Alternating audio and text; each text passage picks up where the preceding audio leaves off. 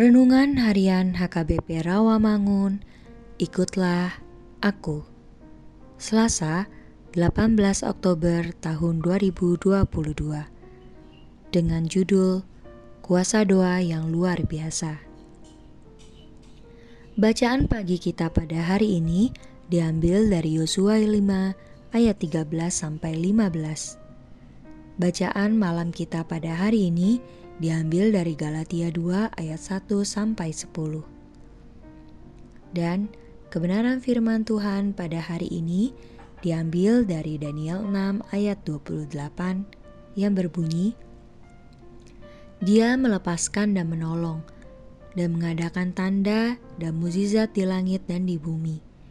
Dia yang telah melepaskan Daniel dari cengkraman singa-singa. Demikianlah firman Tuhan. Sahabat, ikutlah aku yang dikasihi Tuhan Yesus, sama seperti Sadrak, Mesak, dan Abednego, Daniel menjadi contoh tentang kesetiaan kepada Allah.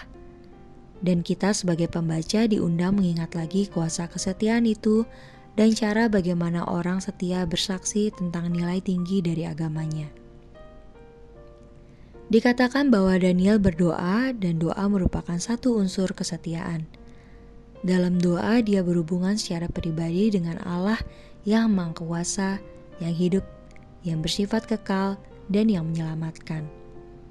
Dan karena hubungan itu tidak dapat dipecahkan oleh penguasa duniawi, sehingga doa memberikan kepada kepribadian Daniel ketenangan serta kebebasan yang bertahan tetap juga pada waktu dia dilemparkan di dalam gua singa. Dia sudah mulai mengambil bagian dalam kemenangan Allah yang akan datang. Sebab itu tidak perlu khawatir seakan-akan kemenangan Allah yang akan terjadi. Sebagai orang Kristen, kita tidak suka dengan cara Darius membalas dendam atas apa yang diperbuat kepada Daniel. Apa salah Daniel sehingga harus dihukum hanya karena dia setia berdoa kepada Tuhan? Dari cara Daniel kita bisa tahu apa sifat-sifat Allah dan yang harus kita beritakan yaitu tentang Allah yang memberikan hidup yang kekal. Menyelamatkan setiap umat yang percaya sehingga menjadi berita kesukaan.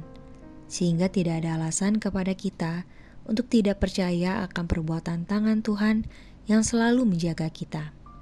Karena iman dan kepercayaan Daniel kepada Allah, maka dia diselamatkan Tuhan kita juga harus percaya bahwa Tuhan selalu menjaga dan memberkati kita. Oleh karena itu, jangan pernah takut saat kita menghadapi kesulitan, karena Tuhan akan datang menolong kita. Amin. Marilah kita berdoa. Tuhan Yesus ingatkan kami bahwa kami memiliki Tuhan yang luar biasa yang selalu mendengarkan setia doa dan permohonan kami dan selalu menolong kami di dalam segala kesulitan kami. Amin.